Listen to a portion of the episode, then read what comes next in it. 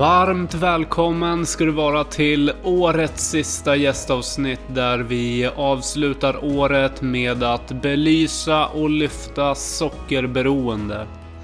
Det här är ett riktigt igenkänningsavsnitt där vi får följa med Frida på hennes resa från sockerberoende till att idag hjälpa andra att få ett mer balanserat och harmoniskt liv fritt från socker. Vi går igenom sockrets påverkan i både hjärna och kropp och eh, hur man kan bryta ett beroende och leva livet istället för att äta det. Balans i huvudet ger balans i livet. Varmt, varmt välkommen till dagens avsnitt Frida Sandin. Tack så mycket. Yes. Och jag tänker så här, vi kan ju börja med att du får ju berätta för eh, de som lyssnar här vem vi har med oss här idag. Ja, Frida Sandin heter jag som sagt. Eh, mitt hjärta slår väldigt hårt för sockerberoende. Eh, jag är sockerberoende själv, har alltid varit en sockerrotta sedan jag, ja, så långt jag minns faktiskt. Jag gick och rev i frysen när jag var liten och åt frusna bullar och och sådana här saker. Gjorde rörar av vad som fanns i skåpet liksom. Så att eh, det har verkligen funnits med mig eh, väldigt, väldigt länge. Mm.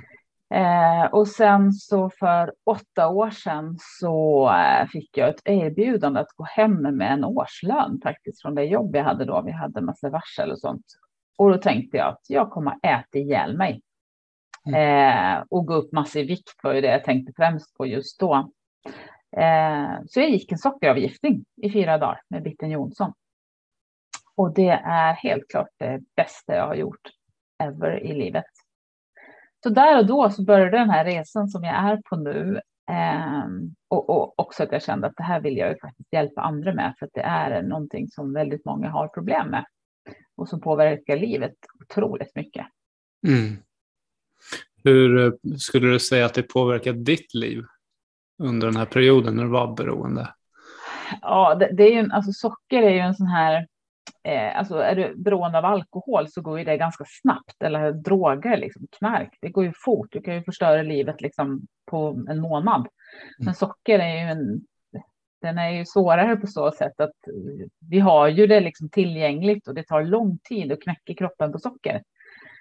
Um, så även om jag alltid har varit, liksom, folk vet ju att jag alltid hade en godispåse i handväskan. Liksom. Det var inget konstigt och det var inget eh, ehm, ja, förbud i det liksom, eller sådär, utan det var mest bara, ja, men det, det var som det var.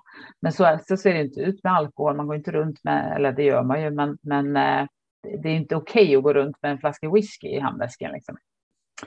Eh, så att eh, vad var frågan? Hur det har påverkat mig? Aha. Eh, ja, nej, men alltså det tog lång tid innan jag såg att det här faktiskt gav konsekvenser, väldigt lång tid. Och när det väl gjorde det, då var jag ju, ja, vad var jag, strax över 35 någonstans. Eh, då var jag väldigt, väldigt trött. Eh, jag hade lite tunnelseende när jag satt på jobbet. Jag hade liksom eh, svårt att fokusera på en, mer än en sak i taget. Eh, jag var väldigt lättirriterad. Eh, ja, extremt trött faktiskt. Och då var det så här små barn och man tänker att ja, men det är väl så livet ska vara liksom. Eh, men det har jag ju förstått att det är ju inte så livet ska mm. vara. Man ska inte eh, kraschlanda i soffan när man kommer hem från jobbet och inte orka göra något mer, utan man ska ju leva också. Liksom. Mm. Och det har verkligen, jag har fått mitt liv tillbaka. Jag är otroligt tacksam för att jag valde att gå den här vägen. Mm, gud vad härligt. härligt. Mm. jag tänker på, nu ska jag se om jag kommer på vad den heter. Jag måste nästan kolla här. Uh, jag kollade på Netflix här. Uh, en serie, ska se. Brooklyn 99 heter den. Och där är det ett avsnitt som jag såg igår där en, eh, en ganska vältränad kille då med två barn och ett tredje på väg. Han eh, blir mm. erbjuden en, eh, en chokladbit ifrån Peru. Och så tar han en yeah. bit Och sen så börjar han ta en till och en till och en till. Och det här kombinerat med att han känner sig stressad gör att det här är ju perfekt belöning att um, ja, men hålla sig i balans. Man går ju upp i mm. jättemycket mm. vikt uh, under det här yeah. avsnittet. Okay. Uh, mm. Är det någonting också du kan se eller kanske relatera till att när man är stressad att man ja, men börjar småäta och belöna sig med det? Ja, och inte bara belöna sig för att orka, liksom. för att få en liten kick i hjärnan för att orka gå vidare, en dopaminkick. Liksom. Så det är ju supervanligt att man äter mer och mer och mer. Och det jag ser tydligt är ju att, att det ger ju en kontrollförlust. Liksom. Till slut så har man inte kontroll på det man stoppar i sig. Eh, och det är, där, det är då det blir problem. Liksom. Men om du kan äta en chokladbit eh, på lördagen så fine, gör det. Men det är ju inte där problemet ligger. Men vad är det som gör då att man blir eh, sockerberoende? Om vi tar det liksom ifrån starten, liksom, vad är det som, som gör att, att man får ett sockerberoende? Eh, ett så, ja, det är ju flera olika bitar egentligen, men sockerberoende är eh, någonting typ man föds med. Du har en, antingen har du en belöningskänslig hjärna eller också har du det inte. Sen så pågår det diskussioner om man kan skapa det här eller inte.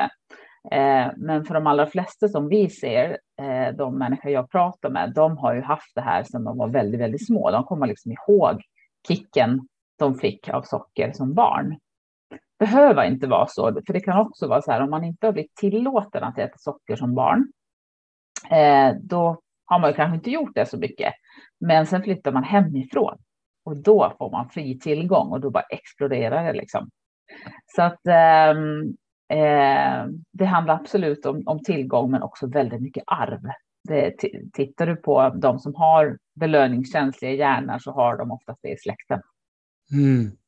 Väldigt ovanligt att det inte är så. Sen kan det ju vara, men om du har mycket trauma, eh, varit med om saker, kanske haft en mamma som har haft mycket depressioner när du var liten, eller en pappa som drack eller vad det nu kan vara, vilket också är väldigt vanligt. Då kan det ju vara att man äter för att hantera livet, liksom, mer eh, ja, ångesthantering egentligen. Eh, mm. Socker är en extremt stark smärtstillare. Mm.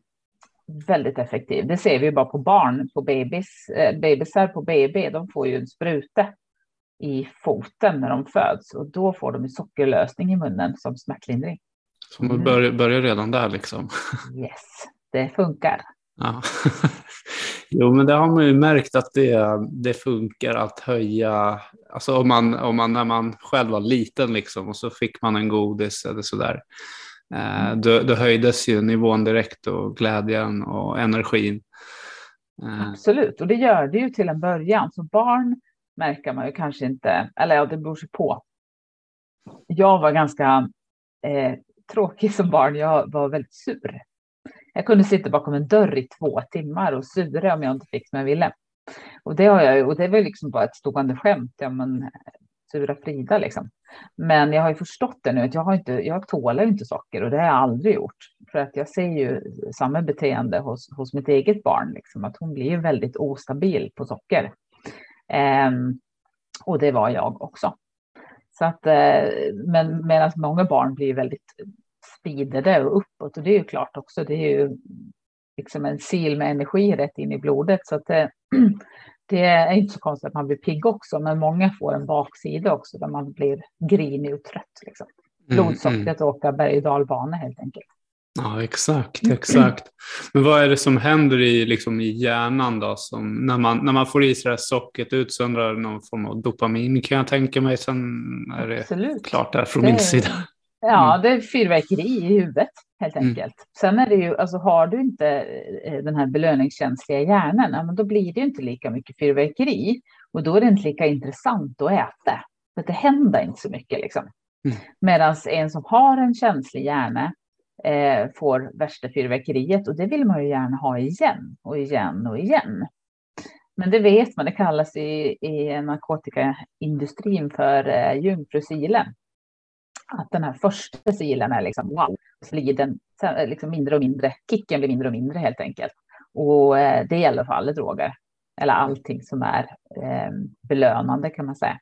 Mm. Eh, och eh, i, just narkotikabranschen så vet man ju att man tar tyngre och tyngre droger för att få den här kicken igen. Eh, det är liksom allmänt känt, men det är samma i alla beroenden. Och i mitt fall så blev det att jag bytte till alkohol, vilket är väldigt mm. vanligt. Mm. Eh, för att sockret ger ingenting. Man blir ju liksom bara tröttare och tröttare, för man blir ju trött av eh, ja, det här svängande blodsockret är ju väldigt skadligt för, för kroppen. Det, det vet vi att det är liksom grunden till väldigt mycket sjukdomar. Mm. Men också att hjärnan blir ju så sliten av den här, att få den här ruschen eh, med så obalans liksom. Eh, så att eh, till slut så gav inte socker mig så mycket längre. Så då tog jag en whisky när jag kom hem från jobbet istället. Inte varje dag, men alldeles för ofta. Eh, bara för att kunna lugna ner, ta, liksom landa hemma. Mm. Och så diskade jag glaset och ställde in det i skåpet igen. Och det beteendet är inte friskt liksom, när man börjar gömma och smyga.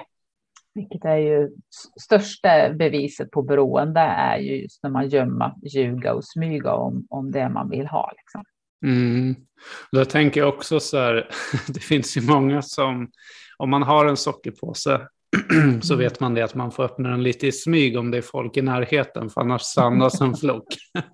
eh, och det, det är kanske också ett tecken på så här beroende, att det här är min påse, my precious. Ja, och att man kanske inte riktigt vill berätta heller, för det är också lite pinsamt. Liksom. Eh, I alla fall hos dem som tycker att jag borde inte.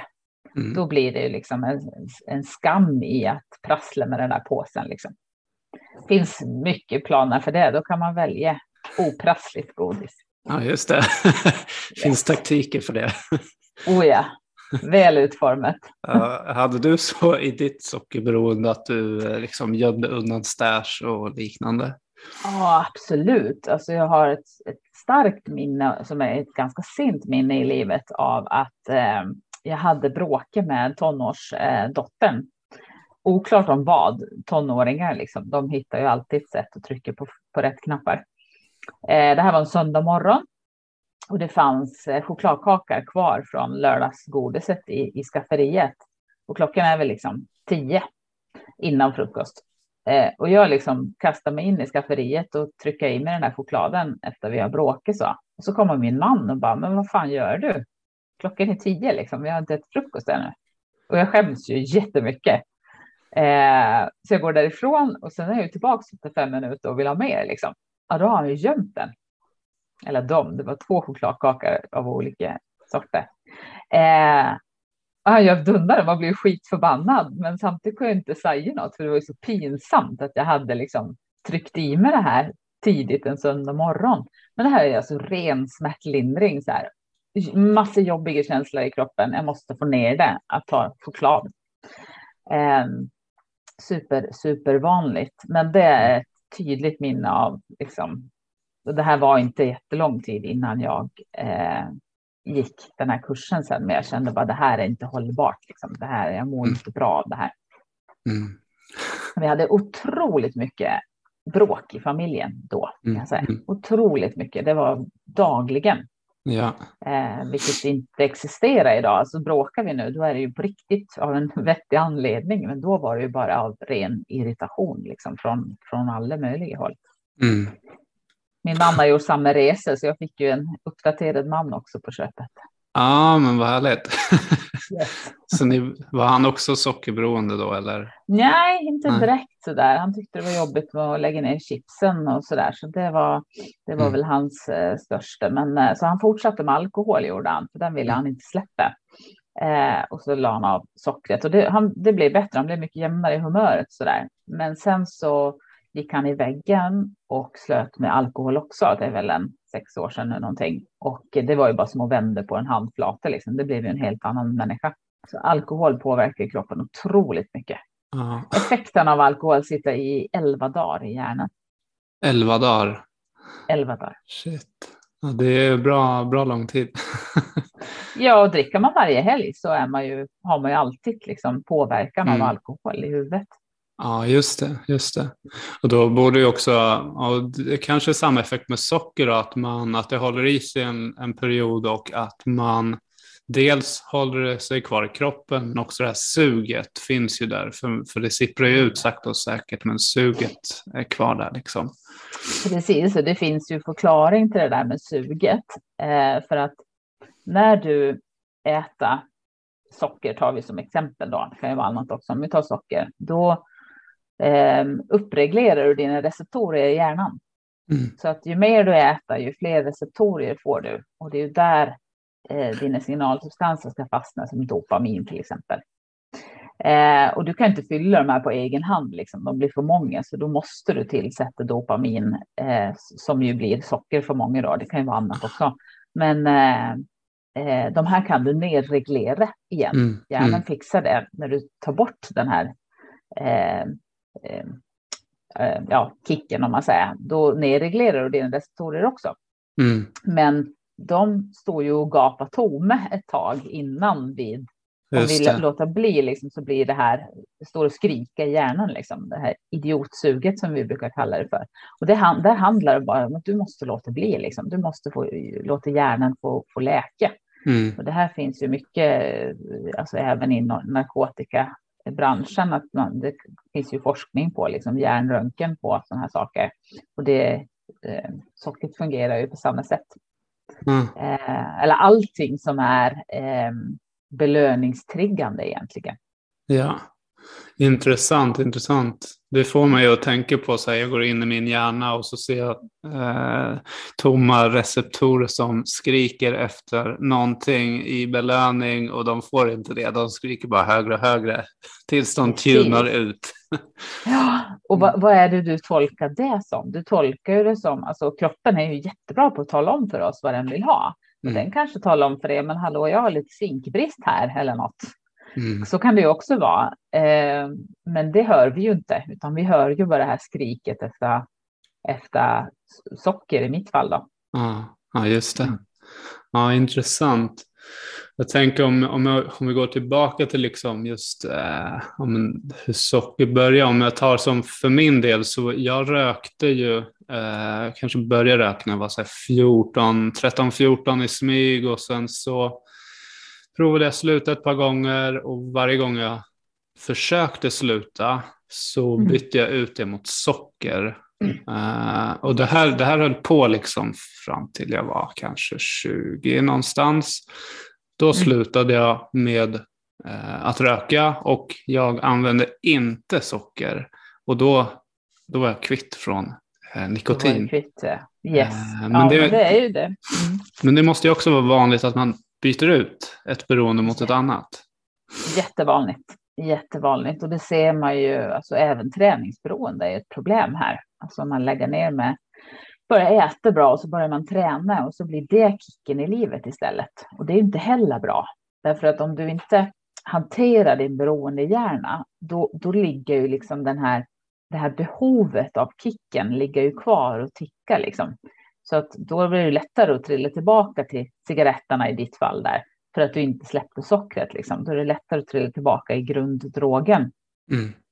Det här är jättevanligt eh, och jag får ju passa mig för shopping till exempel. Eh, gå på stan är inget problem, det, det, det triggar jag inte på, men nätshopping, alltså mm. bara trycka på kökknappen liksom. Ja, det är så lätt också. ja, och dopaminkicken i huvudet kommer ju eh, direkt. Mm. Sen måste komma i brevlådan är inte så himla intressant. Haha, det är eh. just själva klicken. yes, mm. jätteintressant och det kan ju bli, ja, det kan ju vara beroende av allt möjligt. Jobb till exempel eh, mm. blir också en kick att, ja, tick in the box liksom, att få saker gjort kan också bli, bli mm. beroende av. Men, men eh, man behöver adressera sina beroenden för att eh, hantera dem och Visst, man, jag kan inte låta bli att gå och handla. Jag behöver handla hem mat mm. och grejer så vi klarar oss liksom.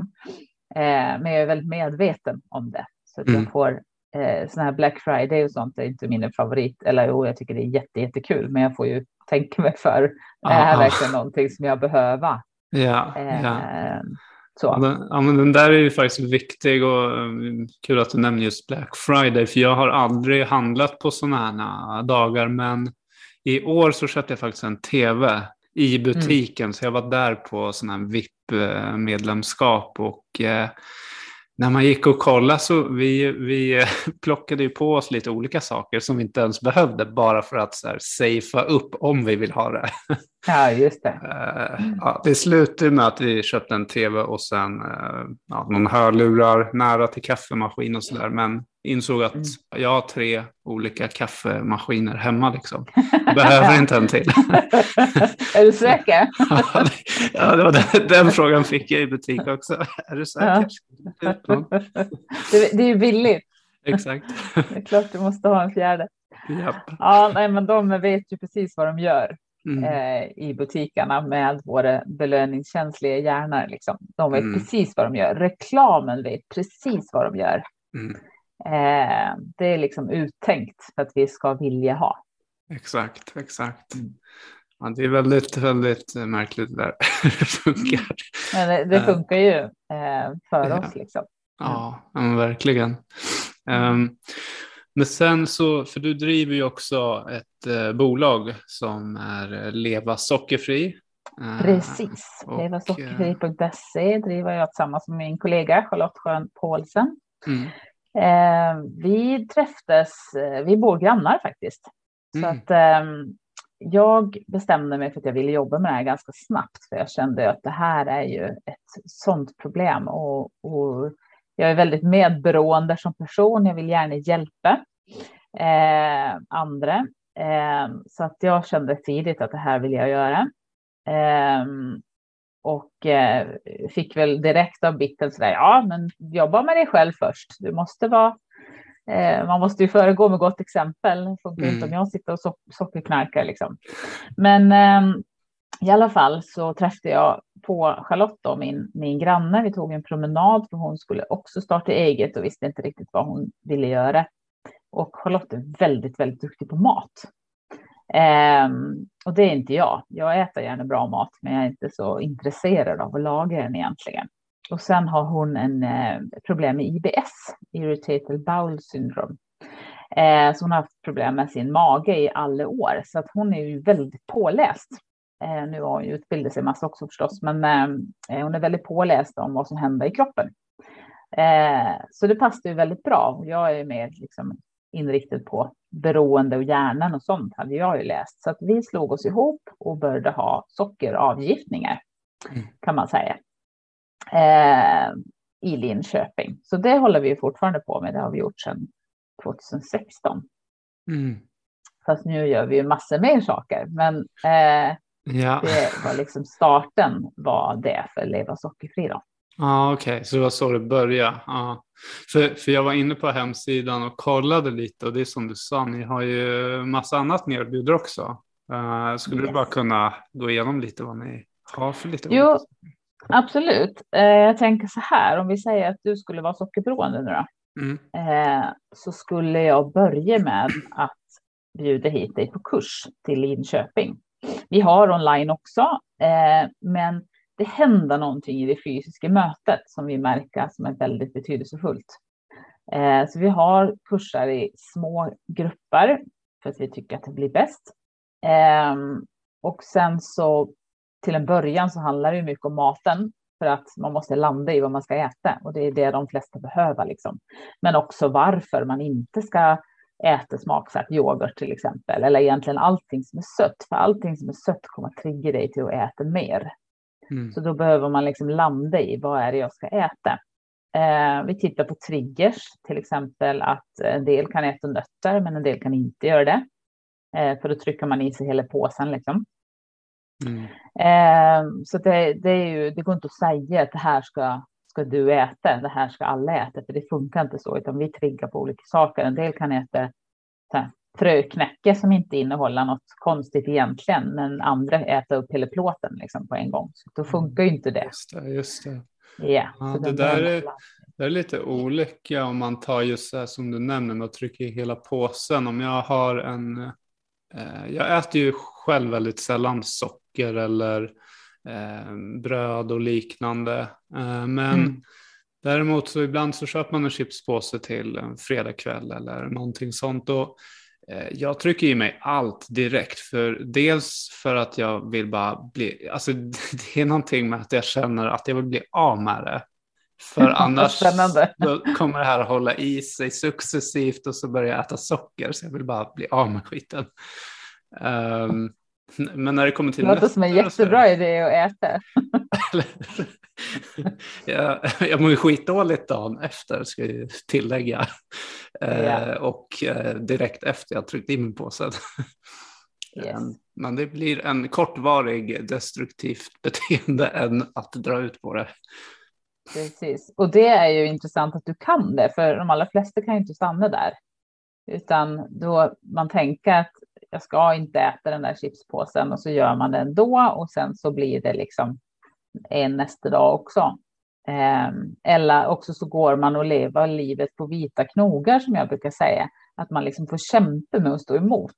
Mm. Och det är ju inte att leva livet tycker inte jag, utan då mm. blir livet en kamp. Liksom. Och där vill vi inte hamna. Vi vill ju att livet ska vara bra och skönt större delen av tiden. Ja. Sen är det ju alltid en kamp emellanåt, men, men det ska inte vara det med maten. Liksom. Det är mm. otroligt mm. skönt att slippa kämpa eh, med maten, för det kan ta upp så mycket tankeverksamhet. När ska jag få äta något ja. sött till exempel nästa gång? Det kan ju ta upp liksom 75 procent av hjärnkapaciteten. Yep. Eh, det, ja, det blir helt sjukt. Eh, så det blir ju, man får ju väldigt mycket tid när man har eh, hanterat det här eh, som man behöver ju lägga på get a life brukar vi säga. Eh, det, är det inte det livet handlar om, att faktiskt leva det istället för att äta det? Liksom. Mm.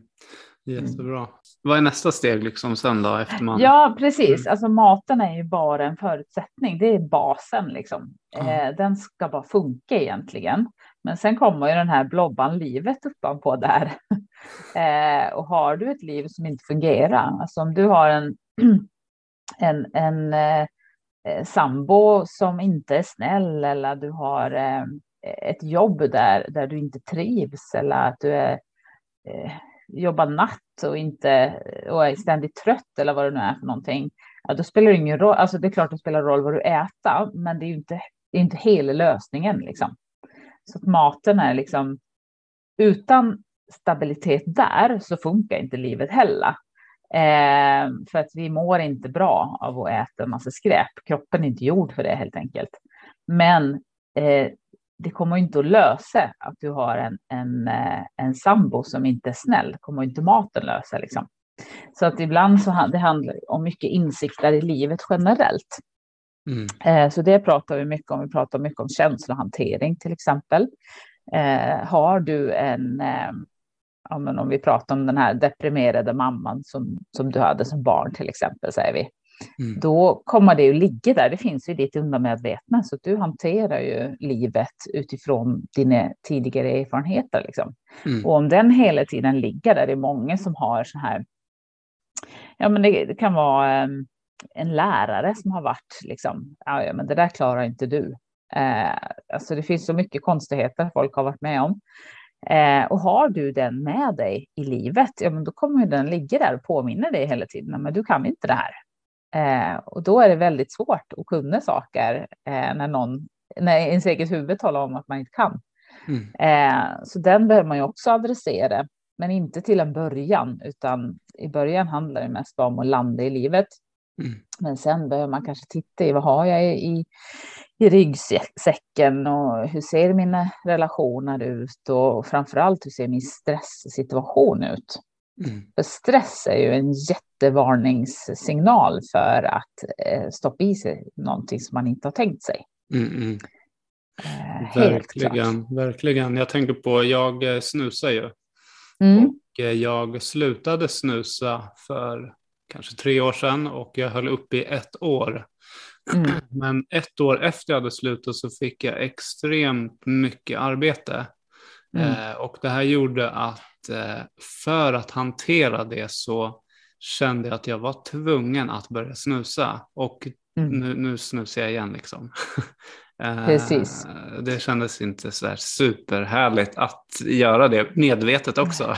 Ja, precis. Ja, men, och det är ju för att orka med livet liksom. Och Och där behöver man ju ta sig en funderare, är det värt det? Eller ska jag hitta ett liv där jag inte behöver eh, droga ner mig, om vi ska dra det till sin spets, eh, mm. för att orka livet? Mm. Eh, så kan det ju vara perioder när, eh, när man inte orkar, liksom. Men det, ingenting gör det ju bättre, alltså varken snus eller socker gör ju livet bättre, liksom. Eh, eh, egentligen, utan det är ju bara en quick fix och sen mm eh, spär det på att man inte mår bra helt enkelt. Mm. Ja, men det är intressant, du är inne på någonting viktigt det där med att just identifiera problemet, inte, inte själva Beroendet är ju en sak, men det finns ju, beroendet kommer ju av ett problem. Stress, familj eller liknande som du är inne på. Det är väldigt olika. Vi ser tydligt hos våra klienter att en del är ju så här verkligen födda beroende hjärnor. Liksom. Eh, och de hade ofta, eller har ofta, liksom, den här, minst det här sockersuget från de var barn. Liksom. Eh, jag har ju ingen traumatisk uppväxt på något sätt. Eh, men jag kommer ihåg det här sockersuget och jag har ju massor beroende hjärnor i min släkt. Eh, Medan en del känna att nej, men när jag, eh, när jag, när jag flyttade hemifrån och eh, träffade en kille som inte var snäll eller eh, ja, vad det nu kan vara för någonting, någon, någon upplevelse. Jag blev mobbad i skolan är väldigt vanligt. Då drog det här igång och så började jag använda det som smärtlindring.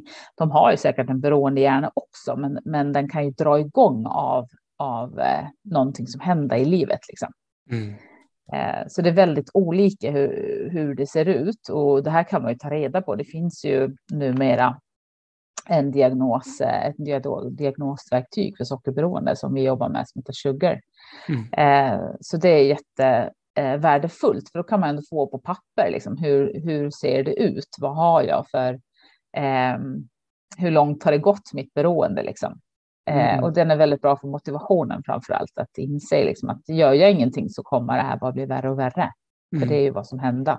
Det blir ju aldrig bra av sig självt, liksom, utan behandling är en eh, förutsättning. Och det, det kan jag tycka känns lite um, ledsamt att se, för att jag ramlar ju på det här ganska ofta och hör många som, som har problem med det här och um, som inte får hjälp någonstans. Eh, hade man kunnat fått hjälp inom vården så skulle vi ju spara mycket lidande och framförallt väldigt mycket pengar. Mm. För att de som kommer till oss, de är ju ofta sjukskrivna, kanske inte heltid, men halvtid eller, eller slutkörda på ett eller annat sätt, liksom, deprimerade. Eh, och det skulle inte behöva gå så långt. Mm. Eh, och alla har inte råd heller. Förstås när man måste betala för det själv. Liksom, utan, eh, och då har de tagit ofta en gastric bypass, för det får man inom vården om man är överviktig vill säga. Mm. Och då har de ännu större problem när de kommer till oss, för då har de en massa näringsbrister också. Mm. Okay. Som man ju får. Ja, man, man stympar ju liksom en, en frisk kropp egentligen när man gör en sån här magoperation. Mm. Eh, och fast problemet sitter ju inte där, det sitter i huvudet. Ja, just det. Så att matproblematiken och tankebesattheten finns kvar. Ja. Eh, och en del mår väldigt bra på det här, men väldigt många mår väldigt dåligt. Mm. Ja, det är intressant. Och sen, men om vi kollar på just eh, kosten då, man liksom, så vad, vad är det man inte ska äta? Alltså just med socker, det finns ju säkert massa annat som triggar igång det. Eh, och vad ska man äta? Jag brukar säga så här att eh, ät riktig mat. Alltså sånt utan innehållsförteckning egentligen, som vi åt från början. Det är egentligen superlogiskt. Eh, vi är gjorda vi är allätare, eh, så proteinkällor, det kan man ju, ja, ät vad som finns liksom. Eh, grönsaker, det är där du får eh, vitaminerna och mineralerna, alltså byggstenarna i kroppen får du av eh, ja, proteinerna och eh, grönsakerna egentligen. Eh, och så behöver du en fettkälla för att bli mätt. Det är det du blir mätt på. Mm. Eh, så att om man håller sig till det så, så funkar ju livet bra. Det är när vi börjar blanda in de här färdigmaten. Liksom. Eh, då har vi inte kontroll längre på vad vi stoppar i, oss, utan det är ju allt möjligt konstigt som industrin har tagit fram. Mm. Eh, så att ehm, ju eh, eh, renare mat, desto enklare helt enkelt, skulle jag säga. Ja, ja. ja det, det känns logiskt när jag själv tänker på det om jag äter någon eh, jag äter inte färdigrätter så mycket nu, men jag gjorde det för några år sedan. Mm. Och det gav ju inte alls samma energi eller den här, alltså man, man kunde uppleva nästan ångest efter man hade ätit det, inte direkt efter men liksom det kom ju. Yeah. Uh, och det är för att det inte innehåller samma typ av näring plus massa annat som man inte ska eller vill ha i kroppen. Precis, verkligen. Men vad finns det då som man, om det finns det, om vi tänker på uh, jag var inne på hemsidan och kollade lite med, eller om det var någon YouTube-klipp jag kollade på.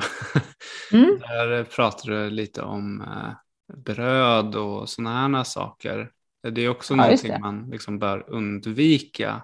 Det är någonting alltså bröd är ju, tänk, tänk så här, kolhydrater blir socker i kroppen.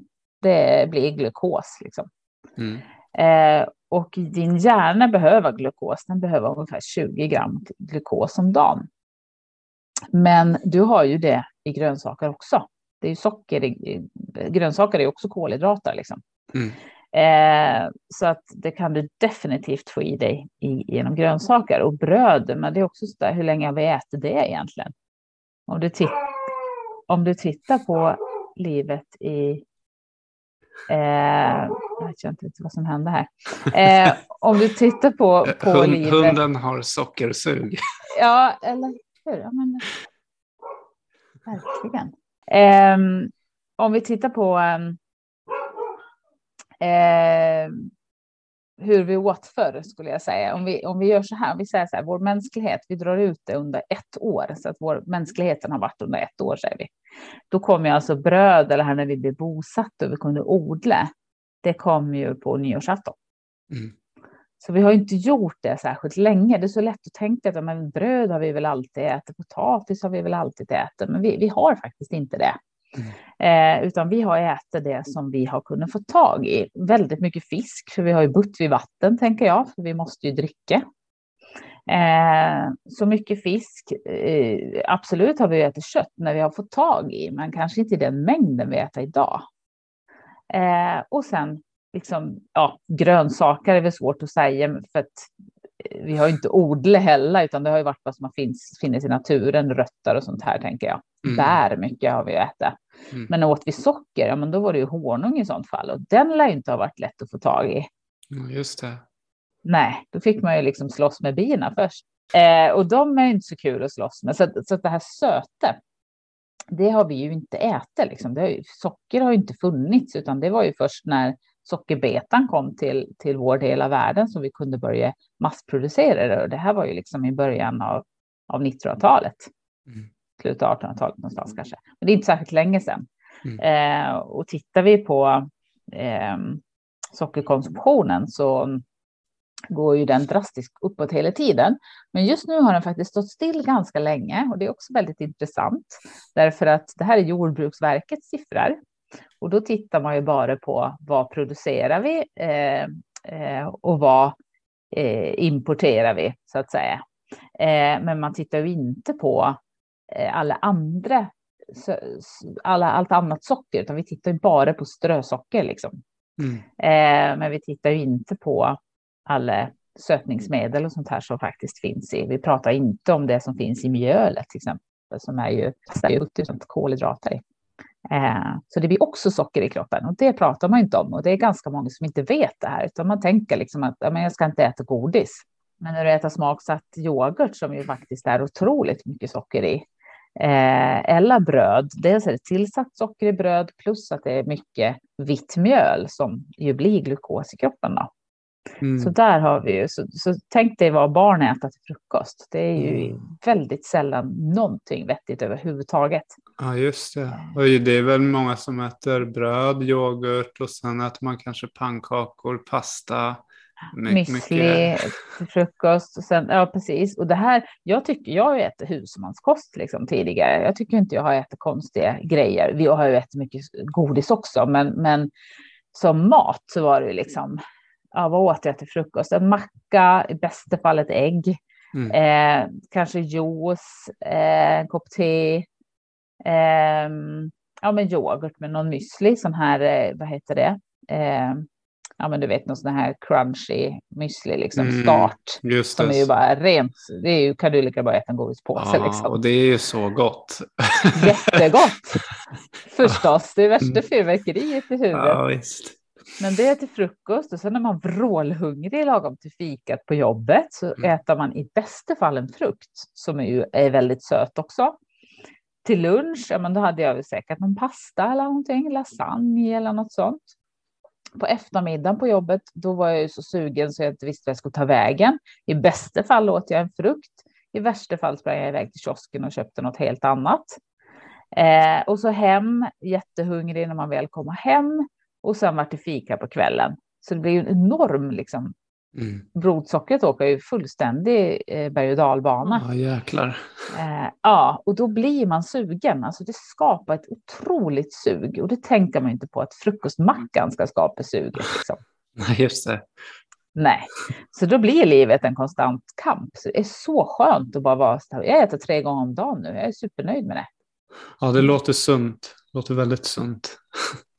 Om man väl slutar med eh, socker eller minska på det och får liksom balans i kosten, vad, vad får man för effekter då i, i hjärna och kropp? Vad är det som händer då? Oj, oj, oj. Ja, det händer väldigt mycket. Eh, jag kan ju bara ta mig själv som exempel då. Så, jag var ju extremt trött förut, alltså alltid, alltid väldigt eh, trött och irriterad. Och det är ju som bortblåst liksom jag kunde bli väldigt arg också. Eh, så här så det svartnar framför ögonen. Har du varit med om det någon gång? Ja, absolut. Yes. Det är väldigt obehagligt. Alltså, mm. Det är nästan som man kan förstå så här, eh, när folk gör så här vansinnigt dåd, liksom, för det bara svartna. Ja. Eh, och så blev jag ganska ofta förut och det händer aldrig längre. Gud vad skönt. Eh, ja, jätteskönt. eh, och eh, tröttheten är ju, alltså är jag trött nu, då är det för att jag ska vara trött, liksom, för att det, för att jag har gjort mycket eller eh, inte sovit tillräckligt eller så. Men jag är inte, jag är inte hjärntrött på det sättet som man blir av, av eh, felaktig kost. Liksom. Eh, sen är det så himla intressant, för det, det, är så mycket som löser sig. Och det här låter lite, lite konstigt, men Bitten Jonsson då, som, som är min lärare, så att säga, som har kämpat för det här i många år, hon sa så här när jag var på kurs, sa hon att om du, om du tror att du äter eh, för att du har problem, så vänd på det. Du har problem för att du äter. Eh, och jag tyckte det lät helt, helt skruvet först, men det är så himla rätt. För att hjärnan skapar en massa problem när den inte är i balans. Jag tyckte till exempel alltid att, att pengar var ett problem förut. Och vi hade alltså riktigt välbetalda jobb, både jag och min man. Eh, bodde billigt och hade liksom mycket pengar. Vi cashade vårt bröllop liksom utan problem bara spara. Ja, jag vet inte hur länge, men inte speciellt länge. Eh, nu har vi kanske hälften av vår, vad vi hade i inkomst då. Eh, och jag ser inget som helst problem med det. Vi klarar oss liksom. Och det handlar mycket om, om att hjärnan skapar problem och en massa oro helt i onödan. Mm. Eh, så hjärnan är ju mycket mer avslappnad och, och tar det. Och jag har alltid varit en sån som tar det lite med en klackspark, men men det är ändå stor skillnad. Mm. Eh, och tittar man på, vad har vi fler för delar? Eh, ja, men familjen, jag sa ju det förut, vi hade mycket konflikter förut. Och det, de är inte där längre, liksom, utan har vi en konflikt så är det på riktigt nu, inte för någon påhittade problem som man tyck, tycker att man har. Liksom. Mm. Så balans skulle jag säga. Balans ja. i huvudet ger balans i livet. Ja, jo, fint sagt. Balans i huvudet till balans i livet. Ja, jag kom på det helt nu. Snyggt. Ja, härligt. Så ja, det... En annan spännande grej är magen. Alltså mag-tarm har ju mycket påverkan på vår kropp och den mm. är ju inte i balans när vi äter en massa saker som kroppen inte är gjord för. Eh, och det som är intressant där, det är att väldigt stor del av din serotoninproduktion sitter i tarmen. Mm. Alltså väldigt stor del. Man, man, det, man vet inte riktigt. Man brukar prata om, om 80-90 procent. Det är väldigt mycket. Yes, och har du brist på serotonin, då är du väldigt eh, lätt eh, ska jag säga, eh, eh, hudlös och eh, eh, lättsårad. Mm. Mycket offerkofta alltså. Ja, Och just det. offerkofta, det är det värsta du kan utsätta dig för som sockerberoende. Ja. Därför att då äter vi för att livet är jobbigt liksom. Ja, gud ja, gud ja. Och den där, Yes. den där kommer väl väldigt ofta, tänker man har sett så här i filmer och sen i egna erfarenheter också när man kanske har blivit sårad eller så. Att det blir man, man köper ett paket glass eller lite godis. Ja.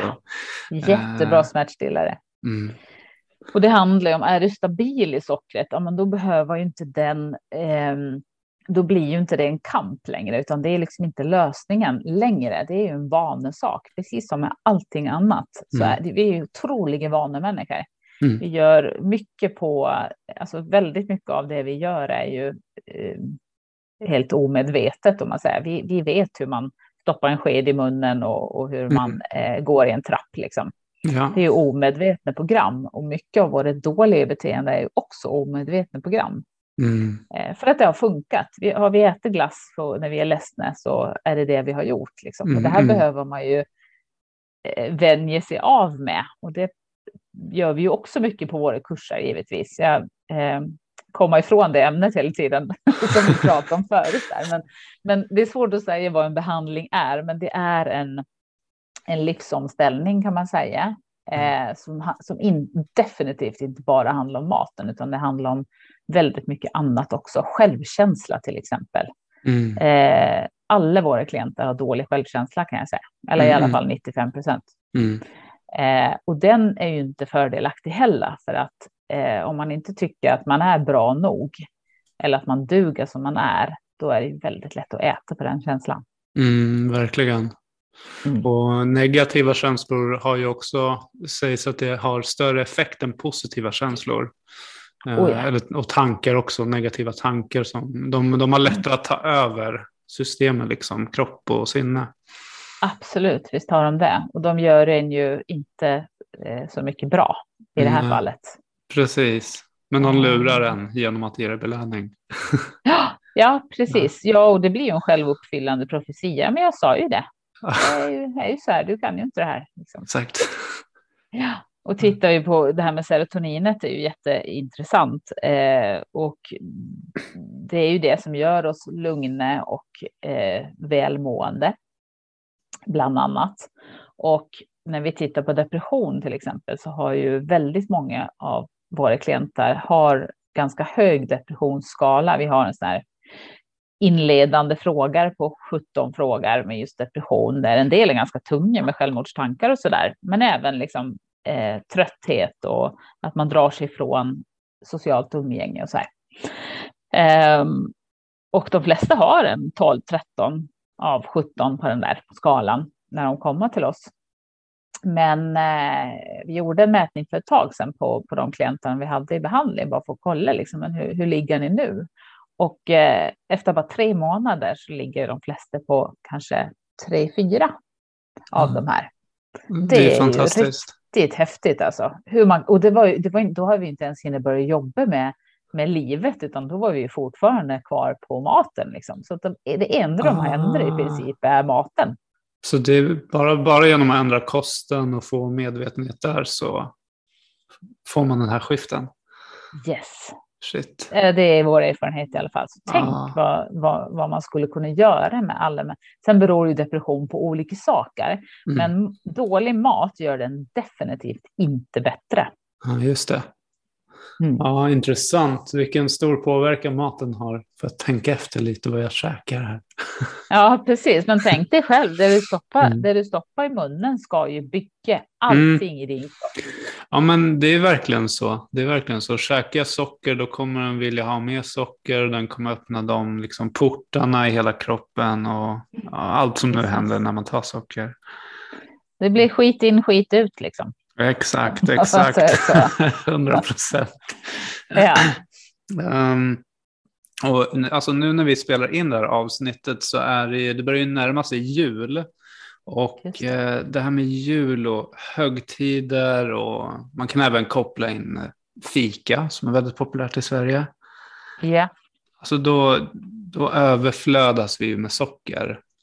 Eh, Yes. Hur kan man eh, motstå socker vid de här tillfällena? Ja, det finns ju lite knep för det. Alltså det beror ju på vad man har för syfte. Vill man, har man ett sockerberoende, då behöver man ju avstå. Liksom, för att det kommer ge, eh, det kommer ge kontrollförlust någonstans på vägen. Men det finns ju många som inte är sockerberoende, men som ändå vill dra ner. Liksom. Och där kan man ju göra varianter. Det finns ju mycket eh, varianter med daddelkakor som vi brukar säga. Eh, eller, eller frukt liksom. Men för oss sockerberoende funkar ju inte det heller, för då kommer vi till slut sitta med godispåsen i alla fall. Mm. Så att eh, här gäller det att, att hitta liksom strategier för att avstå. Och jag tycker att alltså som arbetsgivare, det, kan- det, är, det är en svår nivå, men en arbetsgivare bör ju ta ansvar för det här, därför att ingen blir effektiv på socker i längden. Så man kan ju effektivisera ett företag otroligt mycket genom att bara plocka bort de här skumtomtekartongerna som, och chokladkartongerna som står på jobbet. Liksom. Mm. Men det man kan göra som själv är ju generellt att inte se till att vara hungrig. Utan att, alltså går jag på fest till någon där jag vet att jag ska bli bjuden på mat, men jag känner inte dem riktigt, då är jag inte hungrig när jag kommer dit, utan jag har ju redan ätit. Mm. Och då kan jag äta liksom det som jag kan äta på, på som jag blir serverad. Eh, istället för att behöva vara eh, krånglig liksom och, och be om något annat eller sådär Mm. som ju kan kännas ganska jobbigt. Ehm, så det är ju e- ett sätt att se till att, vara mätt. Liksom.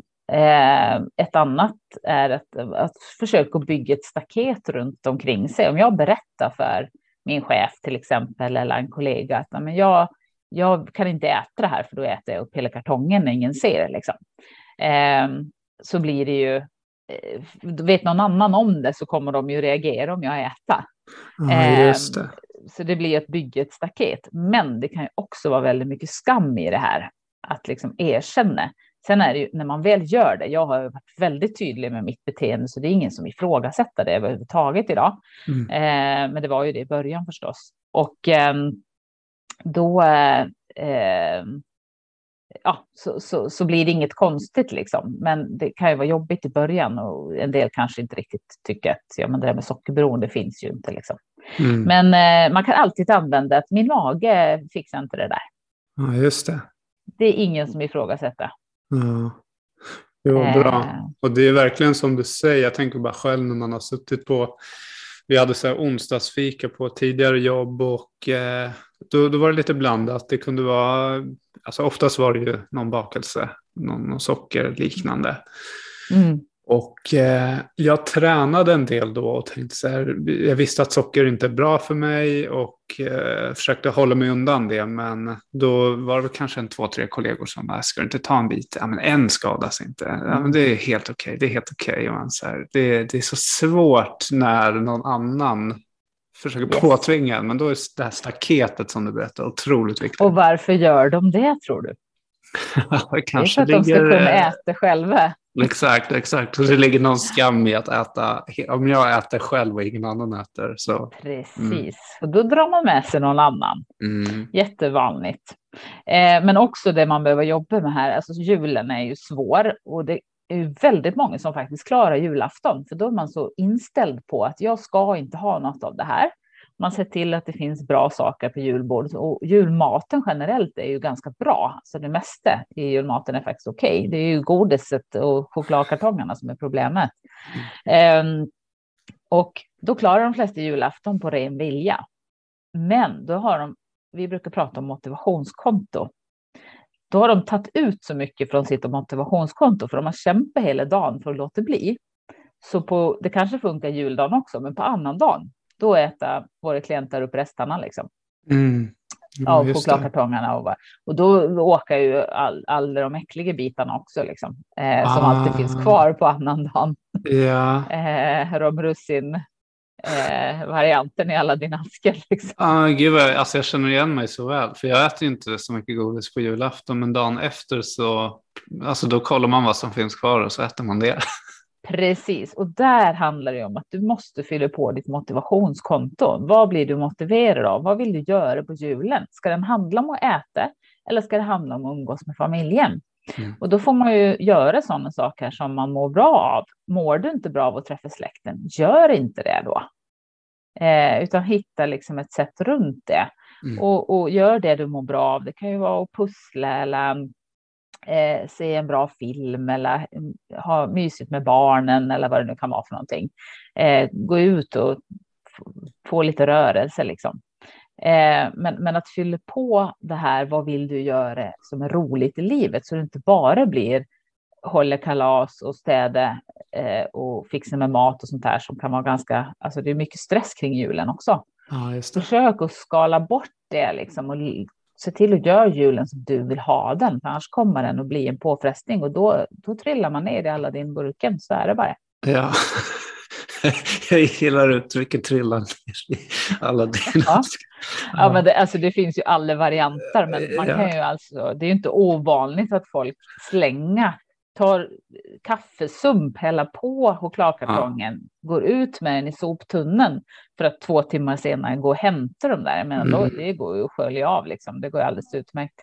Så att, eh, eh, det är starka grejer vi pratar om här. Japp. Ja, det är otroligt intressant. Alltså hur, eh, för det är också någonting som man tänker om sen just med man kan ju, just under julen så har man ju alla de här lockelserna framför sig. Mm. Eh, beroende på, alltså det kanske inte är så i alla hem då, men i många hem så har man ju mycket, det är Aladdin ask och det är knäck och det är lite allt möjligt, smått och gott mm. liksom. Mm. Eh, som öppnas till kanske kalanka och så vidare. Eh, så är det ju. Det där är ju ja, det är jättebra tips som du säger, att, för jag blir väldigt mätt av julmaten generellt och då mm. orkar mm. inte jag heller sen äta massa eh, annat. Mm. Precis, men de flesta har ju den här efterrättsmagen. Liksom. Men mm. alltså, är du alkoholist så jobbar du inte i en bar. Mm, eh, se till att inte ha det hemma och har barnen, ja, men de kan ju ha sin påse då. Man behöver ja. liksom inte ha de här stora askarna hemma. Just utan det de kan ju få ha sitt och, och har man en partner som ändå kan äta med måtta, ja, men då får ju han eller hon ha den för sig själv. Man måste ju liksom inte utsätta sig för allt det här. Eh, det är ju ingen som mår bra av socker, så vi måste ju liksom inte trycka i vår familj en massa heller. Eh, utan, ja, som föräldrar, om, om det är barnen som är problemet, att det finns hemma, vi har ju faktiskt ett ansvar i att se till att det inte blir för mycket för dem heller, för det är ju ingenting som deras små kroppar mår så bra av. Om du äter tio bitar och ett barn som väger en fjärdedel äter tio bitar så är det samma sak som att den äter 40. Ja, just det. Vilken... tänker man ju inte på. Nej, det har jag aldrig tänkt på. Sjukt sant. Mm, Jäklar vilken precis. effekt man får då som liten. Verkligen, ja. och det mår ju inte de här små kropparna bra på. Liksom. Mm. En annan viktig grej som jag vill ha med är att jag hade aldrig suttit där jag gör idag om inte jag hade tagit hjälp. Det är så många som sitter och försöker kämpa med det här själv och tycker att man är helt värdelös. Eh, för att ett beroende sitter i, i amygdala, alltså vår reptilhjärna. Det är ren överlevnad och så har det alltid varit. Och jag tror att på, även när vi levde i grottarna, så de som åt bär och som var, hade den här belöningskänsliga hjärnan, de överlevde säkert också för att de vågade prova liksom och, och, gav sig kanske upp i de här eh, bikuparna och fick tag i den här extra energin. Liksom. Så det är ju en, en fördel rent evolutionärt. Eh, men eh, extremt svårt idag. Och så tror vi att vi ska fixa det här själva.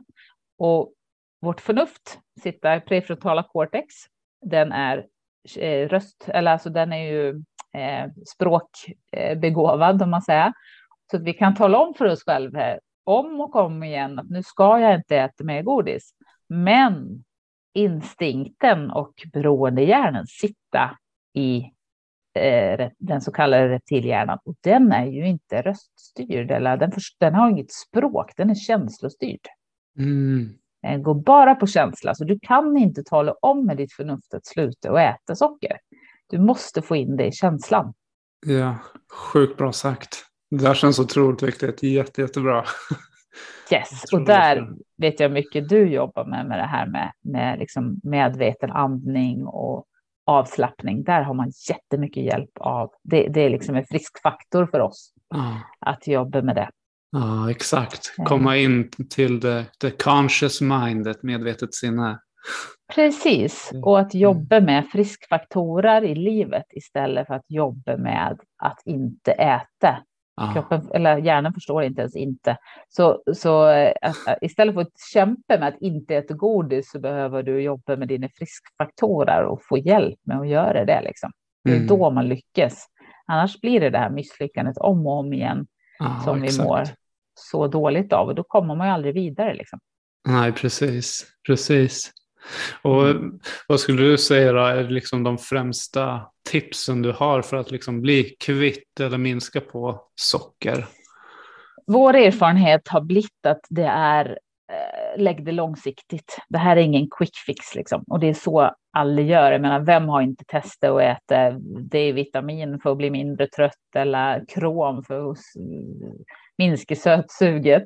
Eh, är, har du krombrist eller D-vitaminbrist, då kommer det fungera.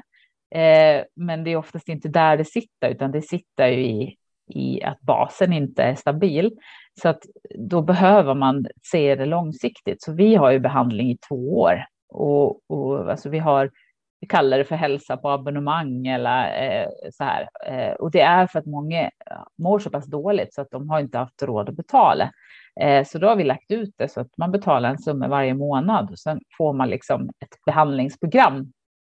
Eh, så det blir som en avbetalning då, men det är ju rent bara från början var det bara för att kunna hjälpa alla, men vi ser att det är det som gör skillnad, det är faktiskt att inte gå en kurs och sen är det klart, för det är inte klart där. Vi måste liksom fortsätta jobba.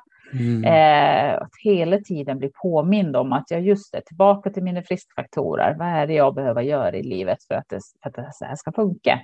Eh, och det gör vi ju, ja, bryter vanor liksom. Så att långsiktig behandling skulle jag säga är eh, det som vi ser ger, ger resultat.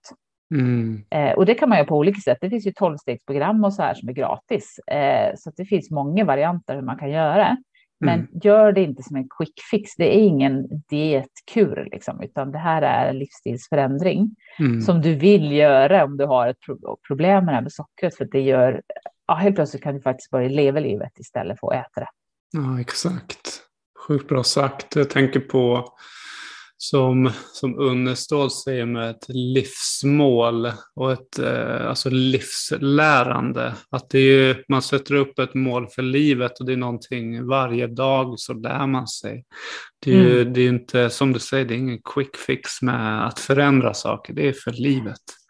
Det är det, precis. Mm. Och att, att, att slippa leva i den här kampen hela tiden, det är ju Mm. så, så mycket värt.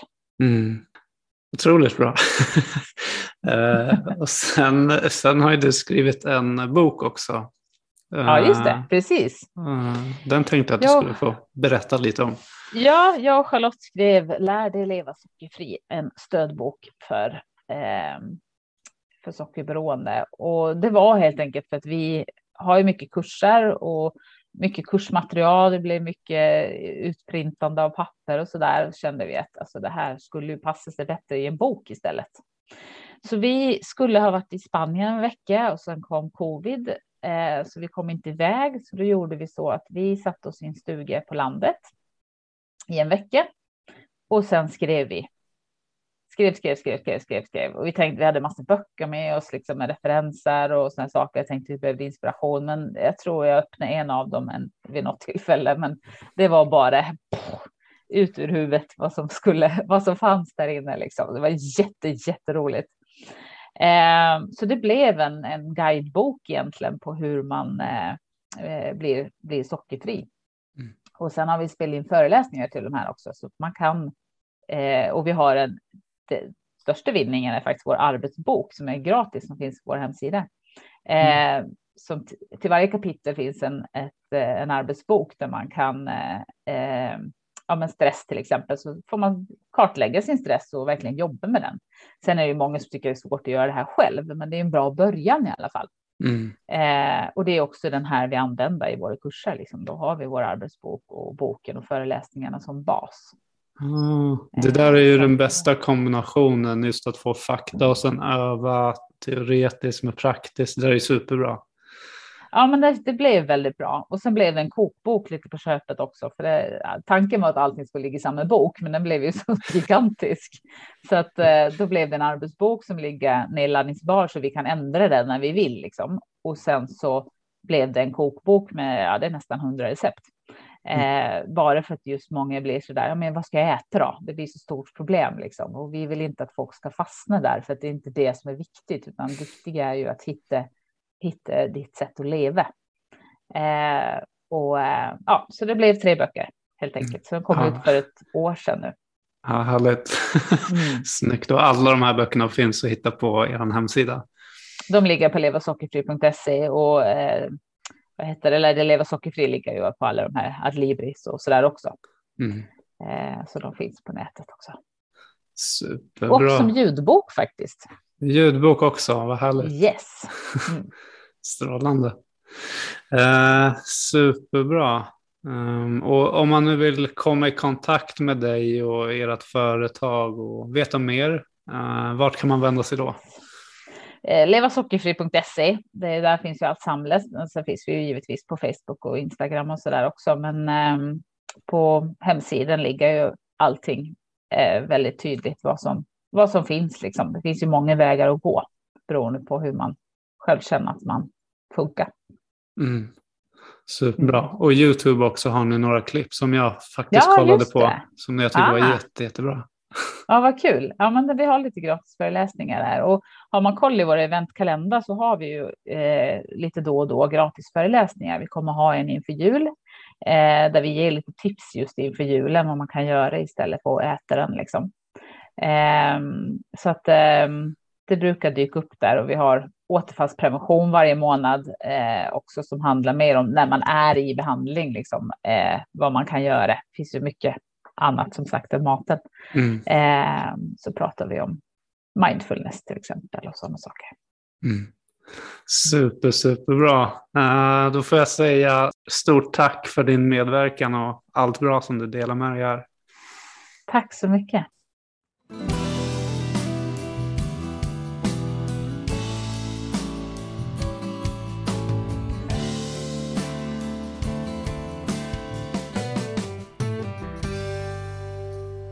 Jag vill eh, tacka dig för att du har lyssnat och deltagit i detta avsnitt. Och eh, om du gillade avsnittet så glöm inte att eh, följa, gilla och dela podcasten.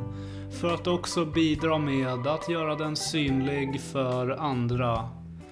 Till nästa gång, tro på dig själv, lita på dig själv och var dig själv.